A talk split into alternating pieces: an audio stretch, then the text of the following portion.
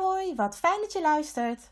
Ik ben Bjelke van Bjels Coaching en Healing, moeder van vier en mijn doel is om vanuit de juiste energie blijvend gelukkig te zijn.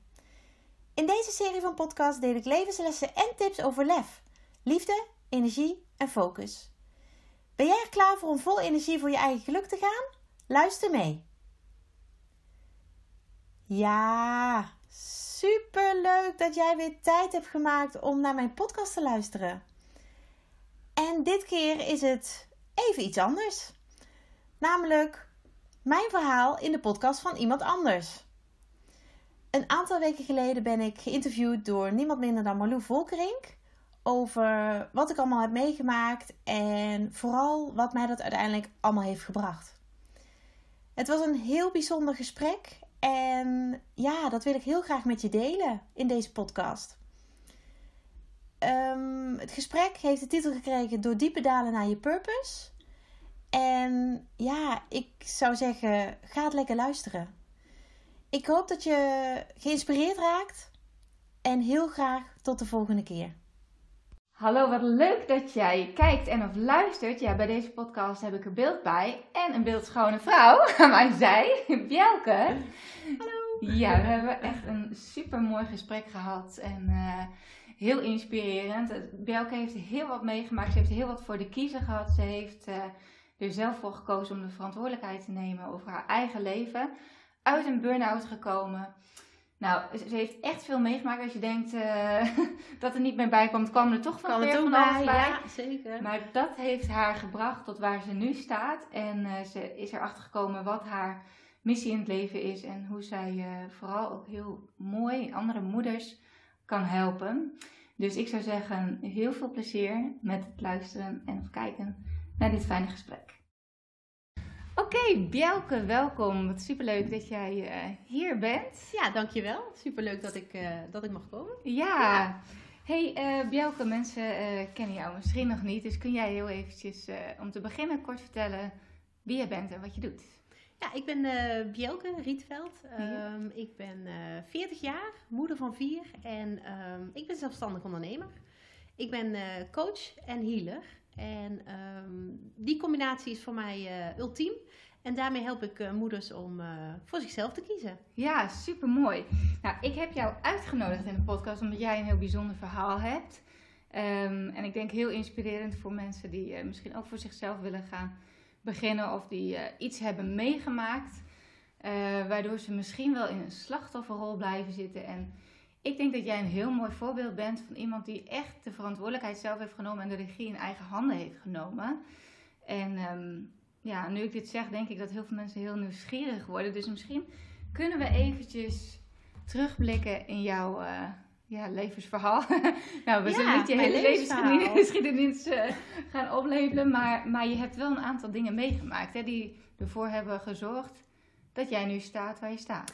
Ja, dat klopt. Ik... Um nou, ik denk dat ik dan het beste kan beginnen dat ik uh, uh, tien jaar geleden moeder werd. En mm -hmm. um, nou, daar ging een grote droom van mij in vervulling, omdat ik uh, vanaf klein meisje eigenlijk altijd al moeder wilde worden. Ik kom zelf uit een gezin met vier kinderen en als ik een vriendenboekje invulde, dan schreef ik altijd op wat wil ik later worden, mama. Oh ja? Ja, Och, dat was altijd stevig mijn antwoord en um, ja, zo voelde ik dat ook. Ik ja. wilde mama worden en ik wilde ook vier kinderen, want dat had ik thuis ook en dat vond ik prachtig. Dus ja ja, dat was eigenlijk mijn, uh, mijn droom. Uh, nou, 2010 kreeg ik mijn, uh, mijn oudste zoon. En ja, dat was genieten. Dat was fantastisch. Um, ik, het moederschap was ja, iets waar ik ontzettend van genoot. En nou ja, ik was wel klaar voor een groot gezin. Ja. En ik, na anderhalf jaar bleek ik zwanger van de tweede. En ja, mijn leven was prachtig. Mm -hmm. Tenminste, dat dacht ik. Mm -hmm. Alleen uh, tijdens de zwangerschap van mijn tweede kwam ik erachter dat mijn man um, een dubbel leven leidde. Dat ja. hij um, een relatie had met iemand anders en uh, nou ja, daar ook niet eerlijk over was. En ja, tijdens de zwangerschap was dat een hele grote klap om te verwerken. Wauw, heftig hè. Dus je bent zwanger en dan ineens kom je erachter dat je ja. man niet is wie, hij, wie jij dacht dat hij was. Ja, en we waren al uh, sinds de middelbare school samen, dus je denkt oh, iemand echt? te kennen. Ja, en toen eh, was het wel keihard om, eh, om dat te constateren. Ja. Ehm, ik heb daar een jaar zelf mee rondgelopen, omdat ik gewoon niet kon geloven dat het zo was. Mhm. Eh, de hele zwangerschap heb ik eigenlijk ehm, nou ja, mezelf enorm tekort gedaan. Omdat ik bezig was met... Ja, ik was een privédetective in mijn eigen leven. Ja. Ik was eh, alleen maar bezig met... Oké, ik wil uitzoeken dat het niet zo is. En ik werd alleen maar Oh, bevestigd in ja. dat het wel zo was. Ja, je, maar je wilde het zo graag geloven dat het niet zo was. Ja, en mijn gevoel die zei van nou, het, het klopt gewoon niet. En ehm, tegelijkertijd nou ja, voelde ik natuurlijk een leven groeien in mij. Ja. En dat was echt een hele rare combinatie. Dat, Ja. dat, het klopte niet. En eh, tegelijkertijd had ik de verantwoordelijkheid en voor een manneke van, eh, van toen anderhalf. ja. En, eh, en een zwangerschap, ja. ja, jeetje, wat heftig joh. En, ehm, en toen, want... Nou, we waren nog bij elkaar toen ik bevallen ben. En een half jaar nadat, het, nadat de kleine meid, want de tweede is een meisje, Mhm. geboren was, toen...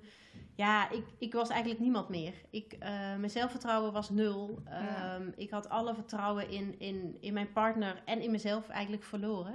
Ehm, omdat ik gewoon, gewoon niet kon geloven dat het, dat het waar was. Nee. En toen kwam op een eh, maandag eh, mijn moeder met mijn zusje vertellen dat het, dat het klopte. Dat hij gezien was met een ander. En dat hij ook daar verteld had dat hij een ander had. Ja.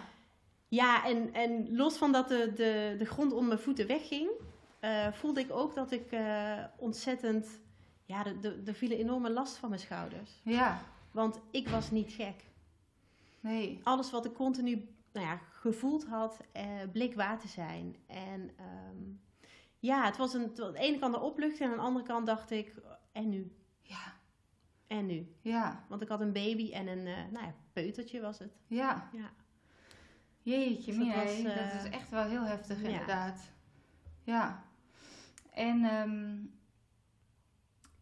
je, als je zeg maar dan hebt over hoe je in het leven staat qua hoe je je voelt, zeg maar, qua eh, alles in balans. eh, Zat je echt helemaal aan de grond of hoe moet ik dat zien?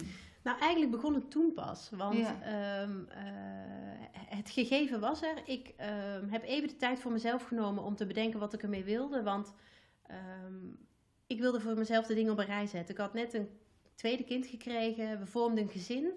Ehm, er een punt achter zetten was heel definitief. Ja, Alleen alles in mij schreeuwde dat ik niet met hem verder wilde. ja, Omdat eh, vertrouwen vind ik een van de belangrijkste dingen in een relatie. Nou ja, dat was zodanig geschaad dat ik niet meer Ja. verder kon. nee, En niet meer verder wilde. En daarnaast vond ik het ook belangrijk om mijn kinderen het voorbeeld te geven. ja, Dat je altijd eerlijk moet zijn. ja, En ehm, dat, dat, dat liegen gewoon niet kan. nee.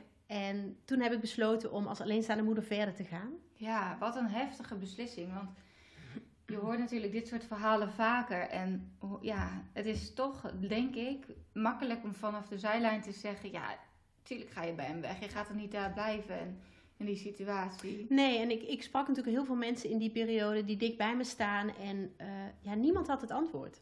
Nee. Dat antwoord lag natuurlijk bij mij. Ja, dat, Alleen wat doe je? Want ehm, je hoofd en je hart roepen wat anders. Ja, ja, Want voor, je, je, je, je hoofd zegt bij, blijf bij elkaar, vorm een gezin, stap eroverheen. Alleen mijn hart zei, ik kan het niet met iemand die ik niet kan vertrouwen. nee. En eh, daarbij vertrouwde ik heel erg op mezelf in de zin van, ik kan dit. Ja, wat mooi. Ik kan dit. Ik heb echt niemand nodig om mijn leven, eh, eh, iets, van mijn leven iets te maken. Nee. Maar wat mooi dat je dat voelde. Dat is wel echt heel sterk. En is dat iets waarvan je van tevoren al had gedacht van dat, dat als, ik, als mij zoiets overkomt, dan komt dat in mij naar boven? Of is dat iets waar je jezelf wel een beetje in verrast hebt misschien? Nou, ik weet, ik, ik heb altijd wel een sterke persoonlijkheid gehad. Ja. Ehm, en nou ja, de houding van eh, ik, ik kan het wel, die, die heb ik altijd al gehad. Alleen Ja. in zo'n heftige situatie, eh, nou ja, verraste mij dat zelf ook wel. Ja. En dat is ook wel een van de redenen waarom ik het heel lang heb volgehouden en uiteindelijk keihard onderuit ging. Ehm, want tijdens de jaren dat ik alleenstaand moeder was, eh, ben ik uiteindelijk in een hele zware burn-out eh, terechtgekomen Oké. omdat ik alle ballen probeerde Ja, in de lucht te houden, maar dat ging niet meer. Nee. Nee. En dat ik zelfs geen superwoman bleek. Nee. ja. Hoe was dat voor je? Ja, dat was. ehm, eh, eigenlijk voelde ik dat natuurlijk al lang aankomen. Ja. Ik eh, verhuisde eh, met twee kleine kinderen naar Utrecht, omdat daar toen de tijd mijn werk gevestigd was. Ja. En ik kende daar na, nagenoeg niemand. Maar iets in mij zei: jij moet naar Utrecht, daar je nieuwe leven opbouwen met twee kleine kinderen. En ehm, ja, ik weet nog wel dat ik verhuisde en alles was helemaal klaar voordat de kinderen terugkwamen van vakantie met papa. Ja. En eh, zij gingen klaar, eh, in een klaarhuis in, in Brabant, waar wij toen woonden, weg. En ze kwamen in een klaarhuis in Utrecht terug. Oh, dus voor fijn. hen was er geen Ja. onrust. Nee. En, geen, en ze hadden precies hun kamer zoals ze die hadden. Ja. Ehm, en dat was wel wat ik belangrijk vond. Ja. De kinderen moesten zo goed mogelijk landen ook in de nieuwe situatie. Ja. Ehm, dat was augustus toen. En in november, eh, ja, dingen die voor mij normaal vanzelfsprekend waren, die kon ik gewoon niet meer. Nee. Ik had te lang te veel van mezelf gevraagd. Ja. En eh, ging keihard onderuit. Ja. Ja. ja, en dat was heel heftig. Want ehm, nou ja, als alleenstaande moeder eh, heb je die verantwoordelijkheid. Niet alleen voor jezelf, maar ook voor twee ja, kinderen dan. precies. Ja. En eh, ik sliep in de tijd dat zij ehm, bij de opvang waren of op school. Ze zaten in eerste instantie nog allebei bij de opvang. Mhm. En eh, vervolgens de, de oudste op school. En ja, ik weet nog wel heel goed dat ik echt de tijd, nou ja, op de minuut eigenlijk uitstippelde van hé, hey, hoe lang kan ik tijd voor mezelf hebben? En, Oh, en ja? wanneer moet ik weer eh, als mama zijn? Ja. Omdat ik voelde dat ik mezelf zo lang zoveel tekort had gedaan. Ja. Oh. Ja, dat was eh, heel ingrijpend. Ja. ja. dat snap ik, ja. En ehm, toen, terwijl je dus in Utrecht zat, had je die burn-out. Klopt. Hoe lang heeft dat geduurd? Eh, ik heb in totaal denk ik sowieso een half jaar niet gewerkt. Gewoon Nee. helemaal niet. Ik had een eh, fulltime baan bij een eh, grote financiële dienstverlener. En ja, ik kreeg gelukkig alle eh, ruimte en alle rust om daar eh, om met mezelf aan de slag te gaan. Ja. Ehm, en uiteindelijk denk ik dat ik een jaar wel eruit ben geweest. Ja. Ja, voordat ik weer volle kracht eh, verder ging. Ja. En ehm, je zegt dat volle kracht verder ging. Voelde dat ook zo? Dat je, toen je er weer uitkwam, dat, het, dat je... Nou, de grensjes waren toen nog wel dun. En dat hoor je Mhm. wel vaker als mensen uit een burn-out komen. Dat ze ehm, ja, merken dat ze sneller moe zijn of Ja. sneller eh, geïrriteerd. Eh, bij mij was het met name dat ik eh, nou ja, minder lang door kon gaan. Ik voelde Ah, ja. heel snel wanneer het voor mij genoeg was. En daar luisterde ik inmiddels ook naar. Precies, dus je had wel de signalen van je Ja, lichaam. Dat klopt. Wat je misschien in een tijdje te lang had genegeerd, waardoor je dus in zo'n burn-out ook onder andere terecht bent gekomen. Kon Ja. je nu wel echt goed naar luisteren. Ja, ik had een, voordat ik die burn-out kreeg, eh, dacht ik, ik kan dit. Ja, Terwijl de hele omgeving, eh, de, hè, zowel familie, vrienden als, als mensen die ik gewoon kende, eh, zeiden van "Goh, hoe hou je dat vol? En ik dacht, ja, maar dit is gewoon, weet je, hoe ik het moet doen en, ja. en wat ik moet doen. En ehm, nou ja, gelukkig bleek ik ook een mens. En ehm, eh, nou ja, ik denk dat die stop, die pauze, want zo zie ik het echt, voor mij heel goed was. Ik ben Ja. heel erg in mezelf gekeerd. Ja, Eh, niet dat ik niemand meer sprak of zag, maar ik ben echt meer aandacht en tijd aan mezelf gaan besteden. En ehm, de gedachte die vaak is van ja, als moeder moet je jezelf op de laatste plaats zetten. Nou ja, ik heb het tegenovergestelde eigenlijk bewezen. ja, Ehm, ik heb mezelf op de eerste plaats gezet. ja, heel goed. En ja. door mezelf op de eerste plaats te zetten en voor mijn eigen geluk te gaan, heb ik uiteindelijk, nou ja, een, een mega gelukkig leven voor mijn kinderen kunnen, kunnen, Ja. kunnen bouwen. Ja, wat mooi. En ehm, hoe, wat zijn, heb jij tips voor mensen die misschien luisteren en zelf even niet zo lekker in hun vel zitten of inderdaad in een burn-out zitten? Nou ja, als je, als je die hè, naam burn-out nog niet hebt, eh, als dat nog niet eh, vastgelegd is, ja, zoek hulp. Dat, ja, is, dat is denk ik de eerste. Blijf er niet mee lopen. gedaan. Ja. ja, Ik dacht eerst dat ik het allemaal wel zelf kon. Nou ja, dat bleek niet zo te zijn. En ik ben Nee. ontzettend blij dat ik toen een coach in de hand heb genomen.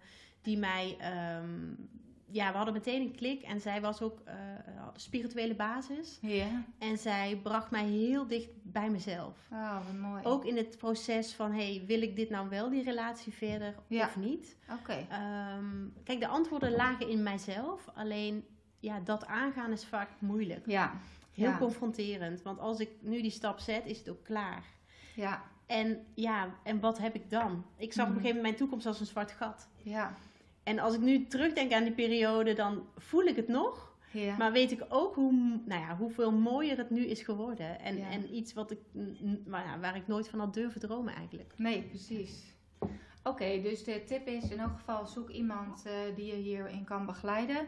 Jij hebt het over een spirituele coach eigenlijk. Ja, klopt. Hoe, hoe kunnen mensen zo iemand vinden? Ehm, nou ja, zelf ben ik eh, eh, iemand die daar, eh, die daar mensen in begeleidt. Ja. Eh, niet zozeer met burn-outs, maar wel eh, als je op zoek bent naar jezelf. Ja, Ehm, ik richt me vooral op moeders die eh, nou ja, door jaren al moeder geweest te zijn en, en zichzelf wel op die later, laatste plek hebben gezet. Eh, in ieder geval zichzelf niet eh, eh, de aandacht hebben gegeven die ze, die ze verdienen. Mhm. Ehm, hen help ik om weer te zien van hé, hey, maar jij bent er ook nog. ja en en precies. ehm, vaak is het dan de vraag, ja, maar wie ben ik dan? Ja, En wat Ja. wil ik dan eigenlijk? ja, Want de kinderen zijn redelijk op de plek, of in ieder geval hè, oud genoeg om zelfstandig keuzes, of keuze te kunnen maken of dingen te kunnen doen. En ehm, ja, wie ben ik? En, Ja. en, en eigenlijk ben- heb je als, als vrouw en als, als persoon stilgestaan. ja, Dat is vaak de ervaring die mensen, mensen hebben en die ik zelf ook wel, eh, wel heb gehad. ja. Eh, omdat de focus zo gericht is op je kinderen en op je gezin, ehm, dat je dan ja, jezelf een beetje eh, vergeet. ja. Ja, en Maar jij bent de speel. helemaal. Ja, maar jij bent de Ja, speel. En, ja. en jij bent degene die de boel draaiende houdt. Ja, En ja, weet je, bedenk maar eens, en dat is natuurlijk worst case, maar wat gebeurt er als jij onderuit gaat? ja. Wat bij mij dus gebeurde. Precies, en dat is, eh, vind ik altijd zo grappig. Dat hoor je vaker, dat voorbeeld dat ze dan zeggen van in een eh, vliegtuig. Eerst je eigen zuurstofmasker. Ja. Ja, want als jij je plat En ligt, zo dan, is eh, het. ja, Zo is absoluut, het. En ik, ja. ik, kinderen zijn onwijs flexibel. Als ik iets heb, heb meegemaakt, is het wel dat ze, als ik gelukkig ben, ja, zijn zij het ook. Ja. Ik heb namelijk nog meerdere stappen gezet in mijn leven die behoorlijk impactvol waren Ja. voor de kinderen.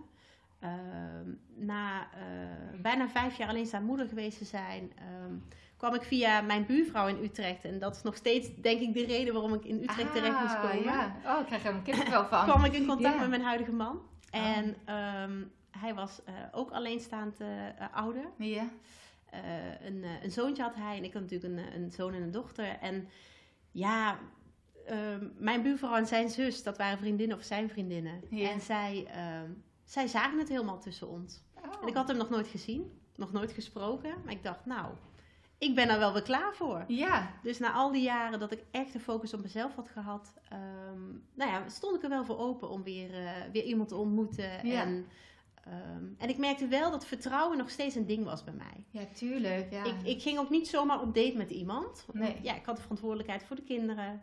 eh moest altijd een oppassen regelen. Want ja, Ja. Hè, die waren er, eh, de kinderen waren er natuurlijk altijd. En ik weet nog heel goed dat ik... ehm, ja, ik vertrouwde deze dames. En het feit dat zij eh, mij aan hem wilden koppelen... dat gaf mij zo'n goed gevoel dat ik dacht... nou weet je, ik sta hiervoor open. Ja. Het was alleen zo, hij woonde in Drenthe. Oh ja. En ik woonde in Utrecht. En ik had net een aantal jaren keihard gewerkt om mijn leven op orde te krijgen. Ja. Ja, en dan komt er een man voorbij die in Drenthe woont. En oké, dus toen zijn jullie gaan daten. En dat Nou ja, de eerste direct, date eh, was eigenlijk al... eh, dat was sowieso een, een klus om, om afspraak te maken. Want Ja. hij zat met zijn zoontje en ik zat met mijn kinderen. En nou, uiteindelijk geregeld. En we zagen elkaar. En, en het gesprek, ja... En we hadden het over wintersport en sneeuw. En daar zijn we allebei super fan van. Dus de klik was er. En ik ging naar huis en ik dacht alleen maar... Oh nee. Oh nee, hij is echt wel leuk. Oh nee. En nu? Ja, nu, ja. Nou ja, tweede date, derde date. Nou, toen was het gewoon, eh, was het gewoon duidelijk. Wij, eh, wij, wij zijn meant to be, dat geloven we echt. Ja. Ik moest, eh, we moesten bij elkaar op het pad komen. En ehm, ja, zo voelt het eigenlijk nog steeds. Binnen een jaar woonde ik in Drenthe met Ja. mijn kinderen. Je bent gewoon weer verhuisd. Weer verhuisd, ja. Ja, en dit keer gelukkig het geluk tegemoet. Precies. Ja, Ja. want de verhuizing naar Utrecht was alles behalve het geluk tegemoet. Dat was Mhm. echt, eh, nou ja, we gaan ervoor en we zien het wel. Ja. En dit was, en toen ging ik natuurlijk ook alleen. En nu Ja. was het, we gingen samen. Ja. Ja, dat was waanzinnig. Ja. en hoe lang is dat nu geleden? Hoe lang woon je nu in Drenthe? Eh, ik woon nu eh, dikke vier jaar in Drenthe. Oké. Ja. Nee, Ja. dikke vier jaar zijn we samen. Sorry, eh, dikke drie jaar wonen we Oké. in Drenthe. Ja. Oké. En ehm, nou, je maakte net al een bruggetje natuurlijk naar je eigen, wat je, Mhm. wat je nu zelf doet. Wanneer, ben jij, ehm, wanneer heb jij die knoop doorgehakt om echt voor het ondernemerschap te gaan? Nou, eigenlijk ehm, eh, was dit al een wens die ik heel lang had. Ja. Eh, ik wilde ooit voor mezelf beginnen. En ooit, dat ja, is vrij invulbaar Ja. natuurlijk. Ehm, ik werkte bij de financiële dienstverlener. Nou ja, mijn leven ging eh, op zijn kop. Eh, ik vond het heel fijn om daar te kunnen werken, omdat daar begrip was voor mijn situatie. En ehm, ik kreeg ook de ruimte om, nou ja, om mezelf weer op de kaart te zetten. Mhm. En ehm, toen had ik ook helemaal niet het gevoel dat ik iets moest met het ondernemerschap. Nee, want ik had druk genoeg. Ik eh, eh, werkte fulltime, had twee kinderen, was natuurlijk alleen. Ehm, in mijn hoofd was daar geen ruimte voor. Nee. Alleen toen ik ging verhuizen naar Borger, want daar is, de- dat is waar ik naartoe ben verhuisd, Ja. ehm, heb, ik mijn, nou ja, eh, heb ik afscheid genomen bij mijn werk. En ik had geen nieuwe baan.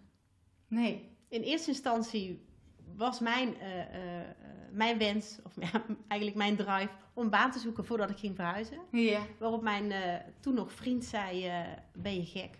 Je gaat eerst maar eens even verhuizen en eerst maar eens even landen. Ja. En dan kijken we verder. Nou, ja, Ik ben ook tot op de dag van vandaag dankbaar dat hij dat Ja, maar ik kan me voorstellen dat het ook ontzettend spannend is. Ja. En dan denk je ineens van, oké, ja, maar... Nou, ik ben opgevoed als zelfstandige vrouw. ja. Altijd je eigen boontjes doppen, voor jezelf kunnen zorgen. Nou, toen ik alleen kwam te staan was het heel fijn dat ik dat kon. Ja. En dat ik ook daar eh, eh, nou, dat geleerd had. Dus dat loslaten was wel een dingetje. Ja. Ik zei ook tegen mijn vriend toen, ja maar ik, ik wil gewoon, hallo, ik heb, wil gewoon een baan. Ja. Punt. Ja. Ik wil een bijdrage leveren. Ja, maar je levert dan een bijdrage doordat jij voor het gezin er bent. Ja. En dat jij zorgt dat iedereen nou ja, in het toch wel onrustige periode toch kan landen. Ja. En ehm, nou ja, toen was die periode eigenlijk een beetje voorbij. We waren geland, we waren een samengesteld gezin. Ehm, Ja, Want hoeveel kinderen heeft hij?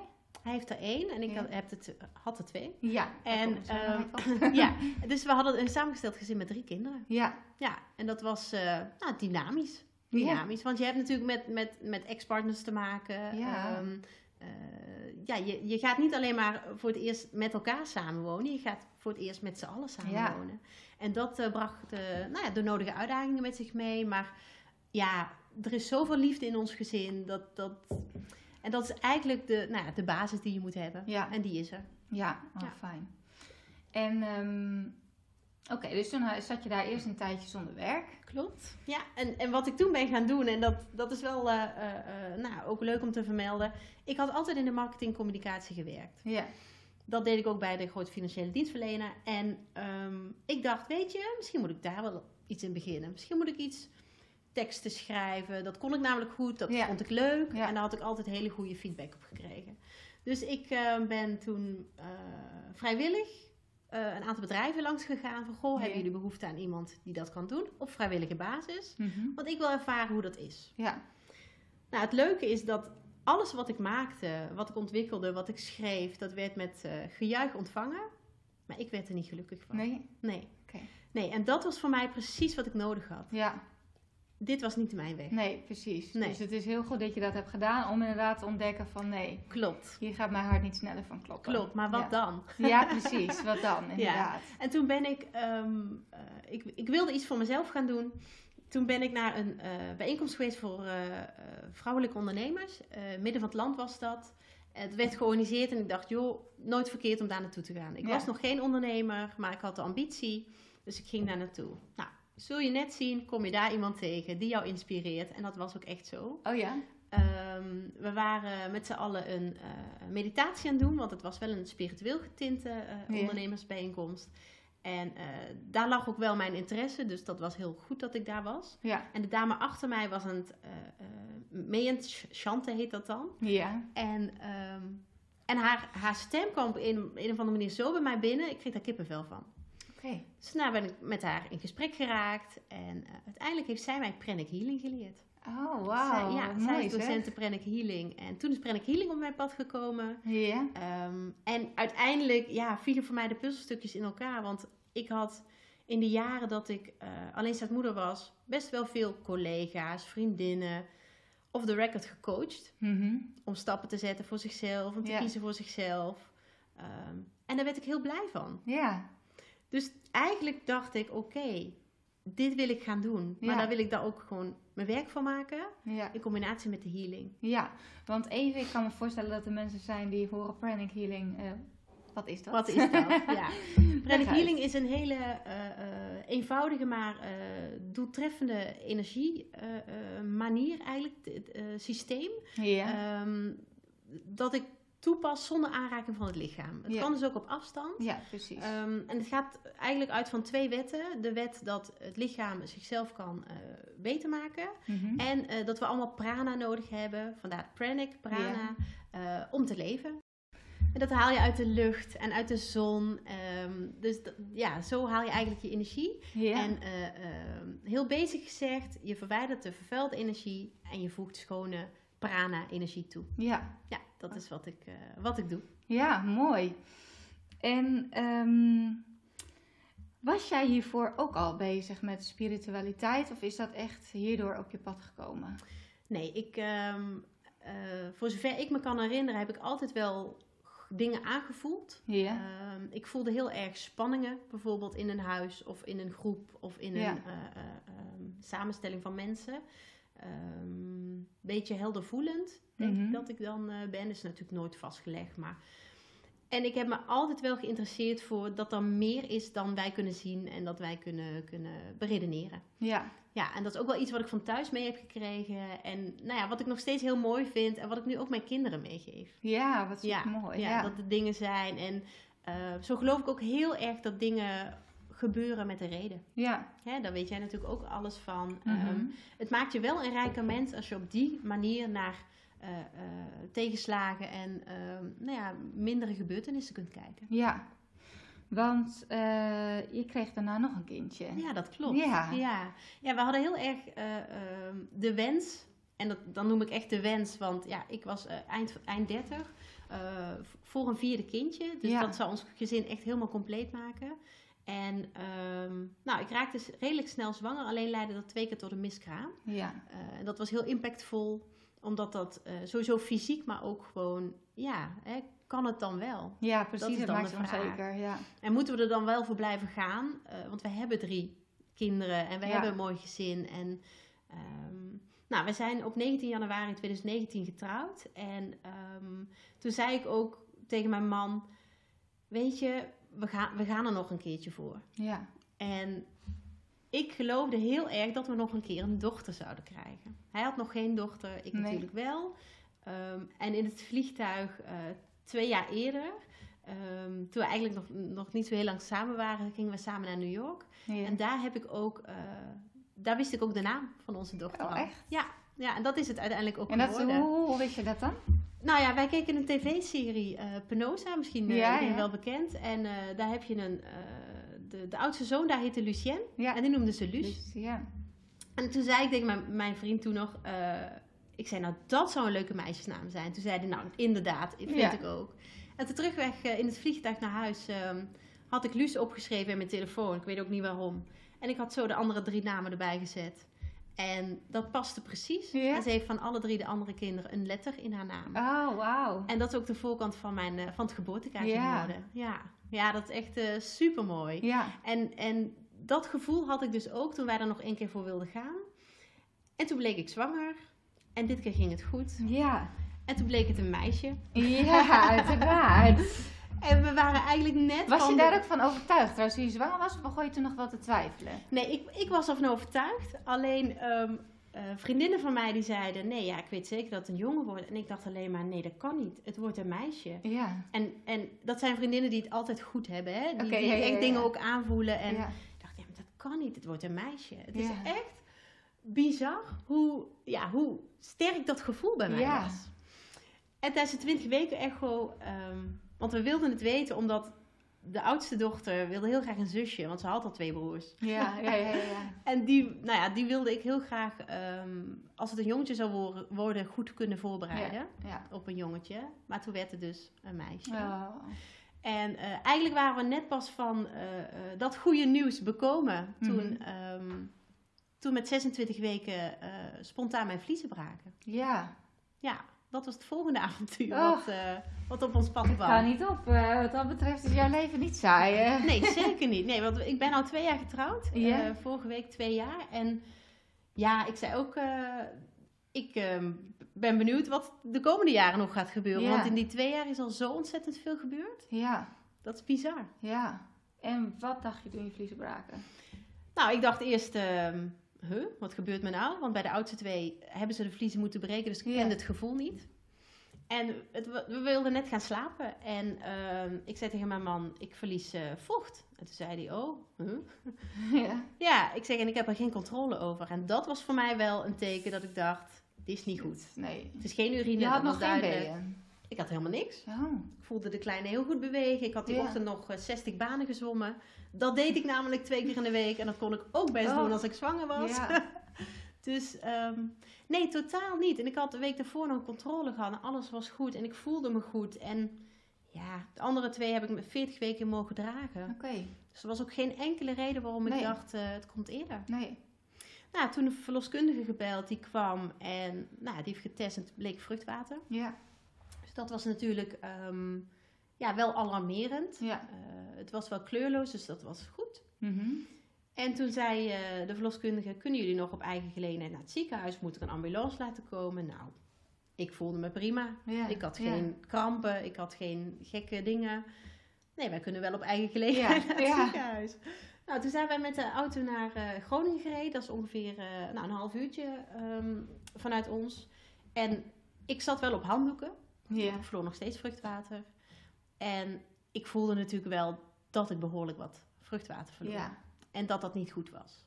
Maar ja, waar heb je het over in de auto? Ja. Weet je, je hoort wel vaker verhalen of je leest verhalen in, in tijdschriften dat vrouwen dan wekenlang plat moeten. Ja.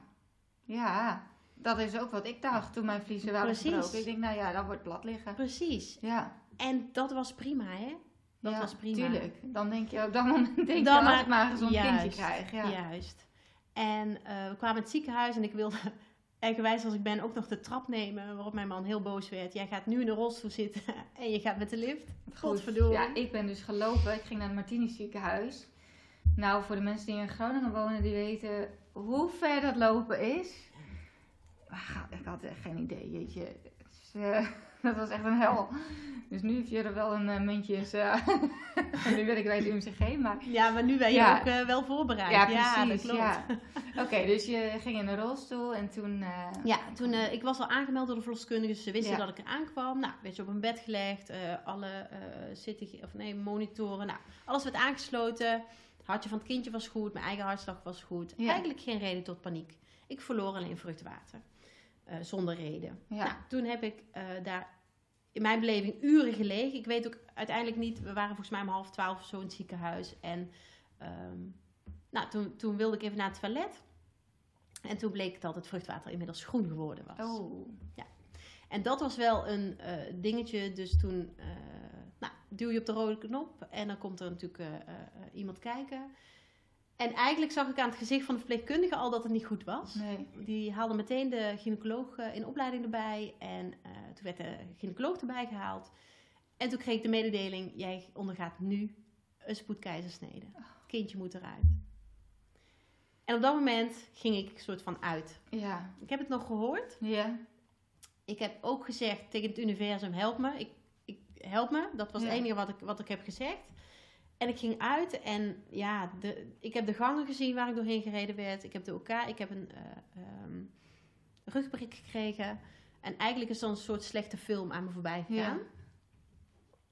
En inmiddels was ik, eh, lag ik op de OK. Ehm, en eh, ja, het grijpt me weer aan, merk ik, dat ik, Ja. dat ik weer dat moment voor me zie.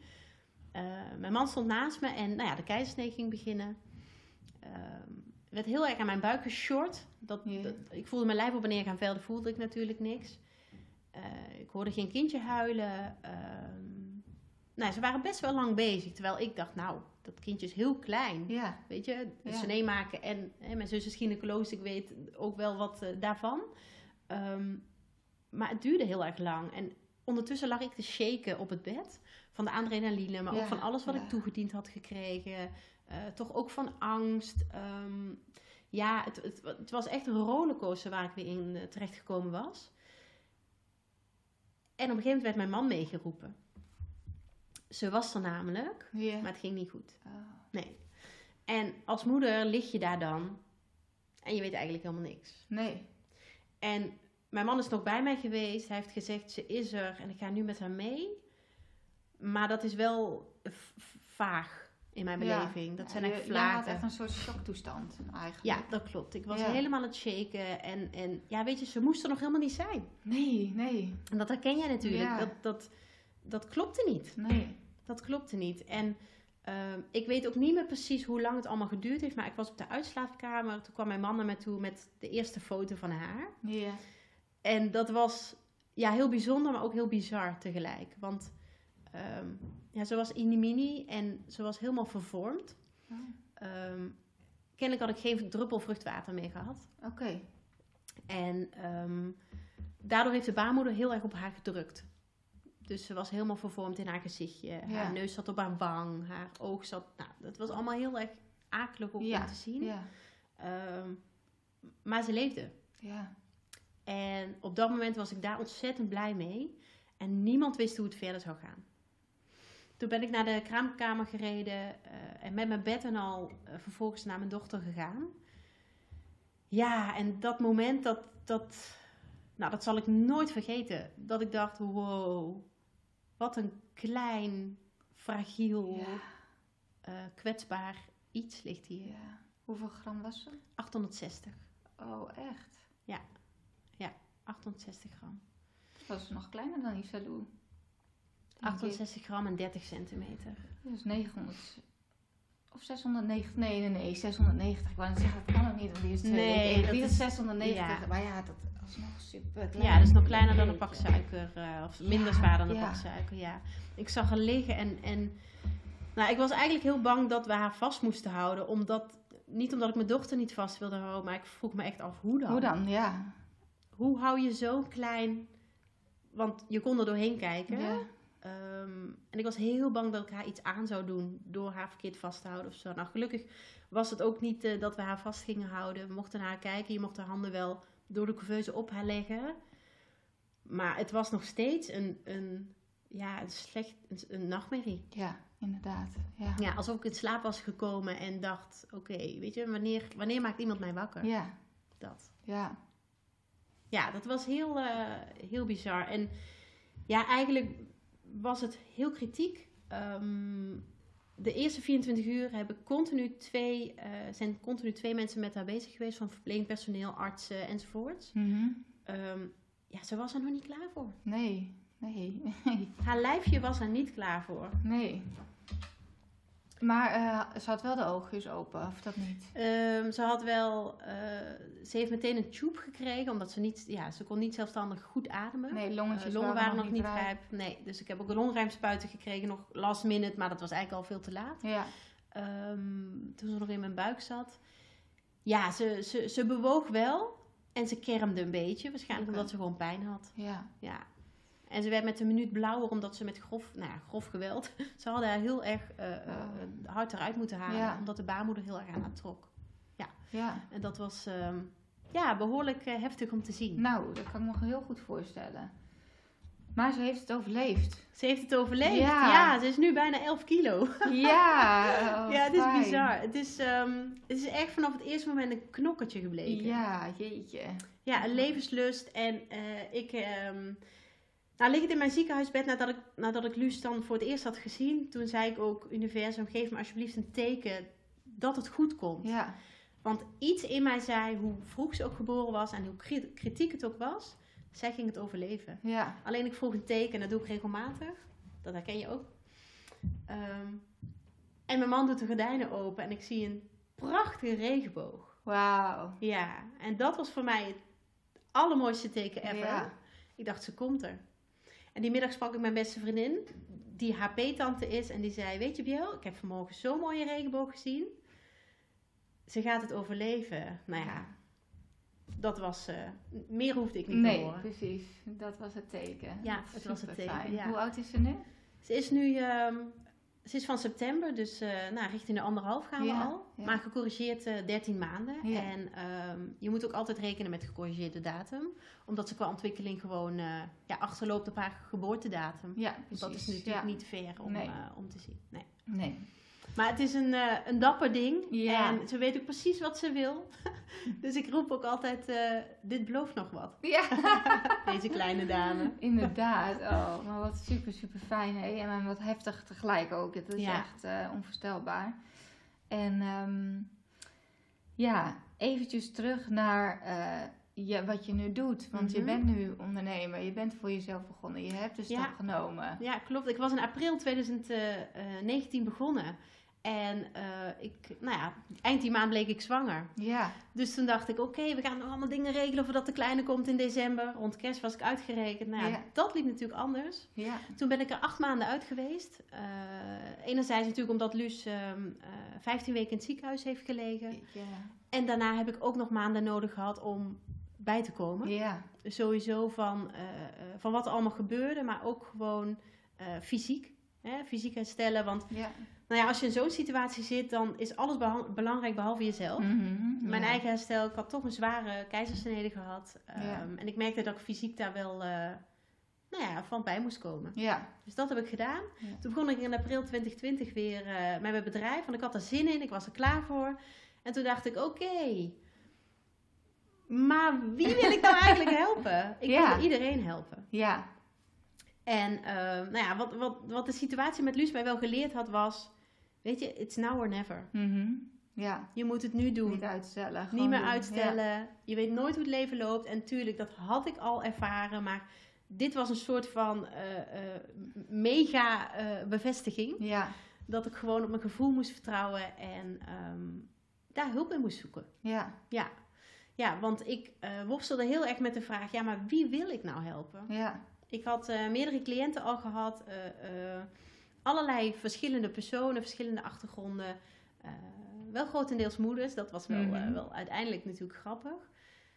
Maar ik wilde heel graag nou ja, echt een focuspunt hebben. Ik Ja. wilde heel graag weten, oké, welke weg moet ik nu gaan? En Mhm.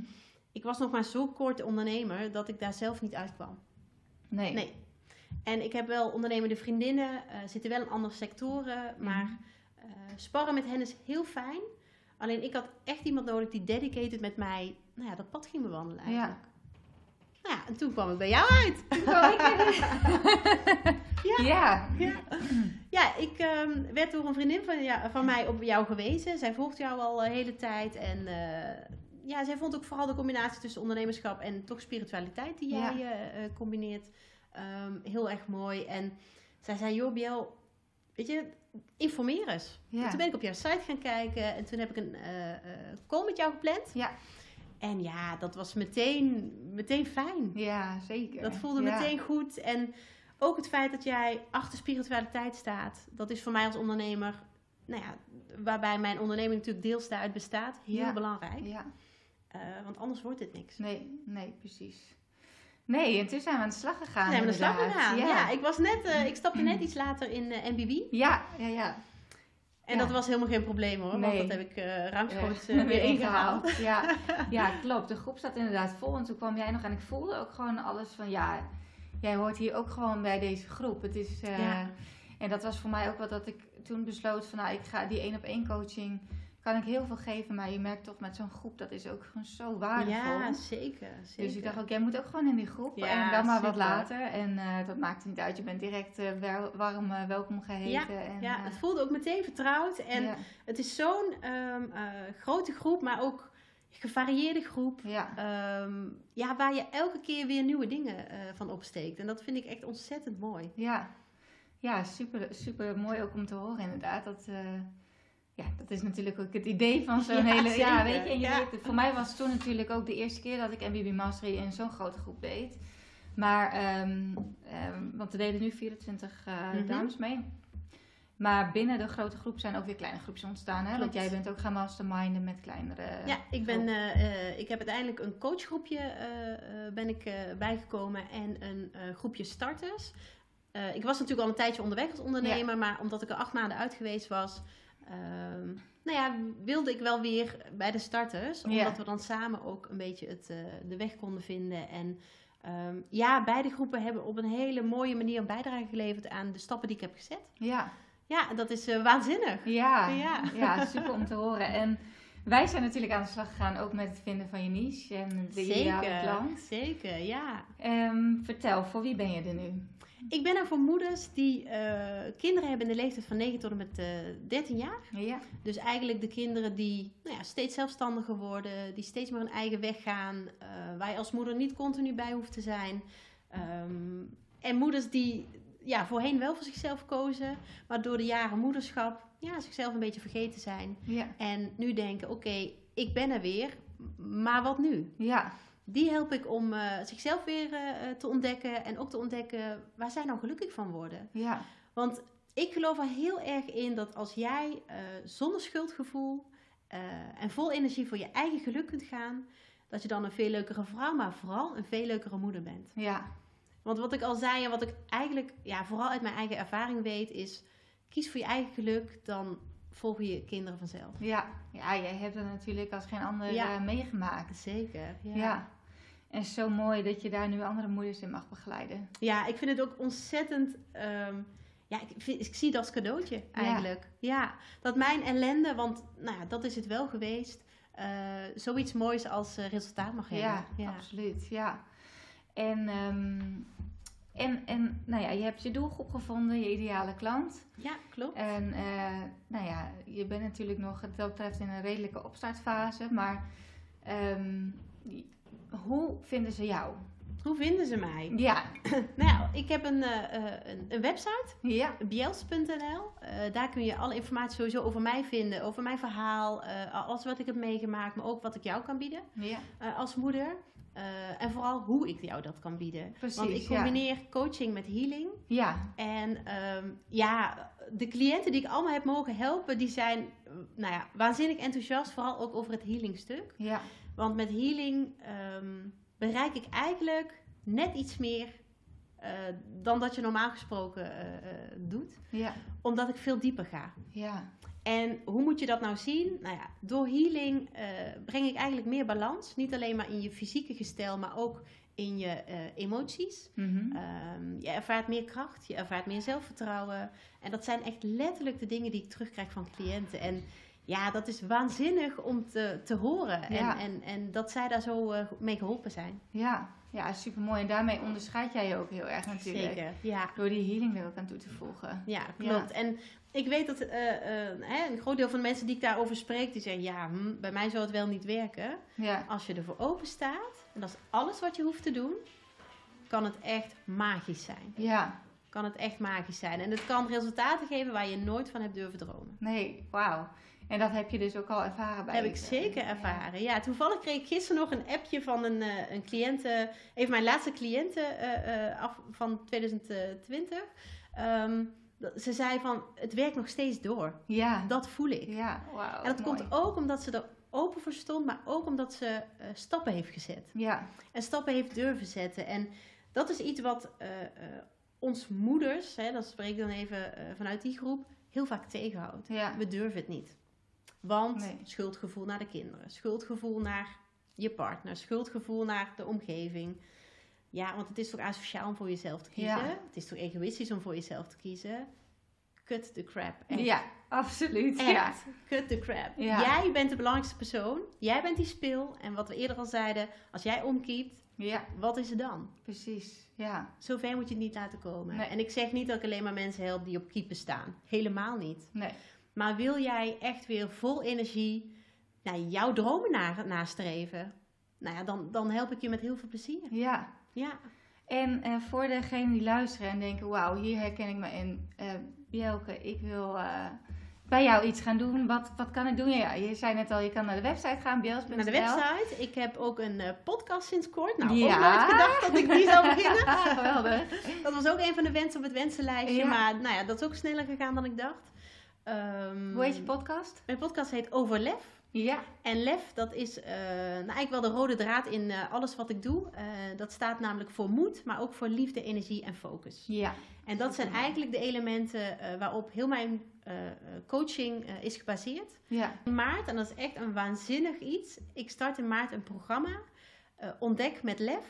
Dat is alleen maar voor moeders. Ja. En dan gaan we vier maanden lang aan de slag om eh, nou ja, jou weer een, een, een, een gelukkig en, en eh, vol energie eh, vrouw te laten zijn. En ja, wat je krijgt is, is mij als coach. Ja. Eh, maar ook een groep met gemotiveerde moeders die echt vooruit willen, die stappen willen zetten. En ehm, ja, die er helemaal klaar voor zijn om hun eigen geluk achterna te gaan. Ja, supermooi. Dus het, het hoeft niet zo te zijn dat ze helemaal in een burn-out zitten of wat dan ook. Maar Nee, het is vooral als jij vastloopt op eh, ja, hè, de onrust. Als Ja. jij onrust voelt van ja, ik wil wel of al misschien een hele tijd in cirkeltjes draait.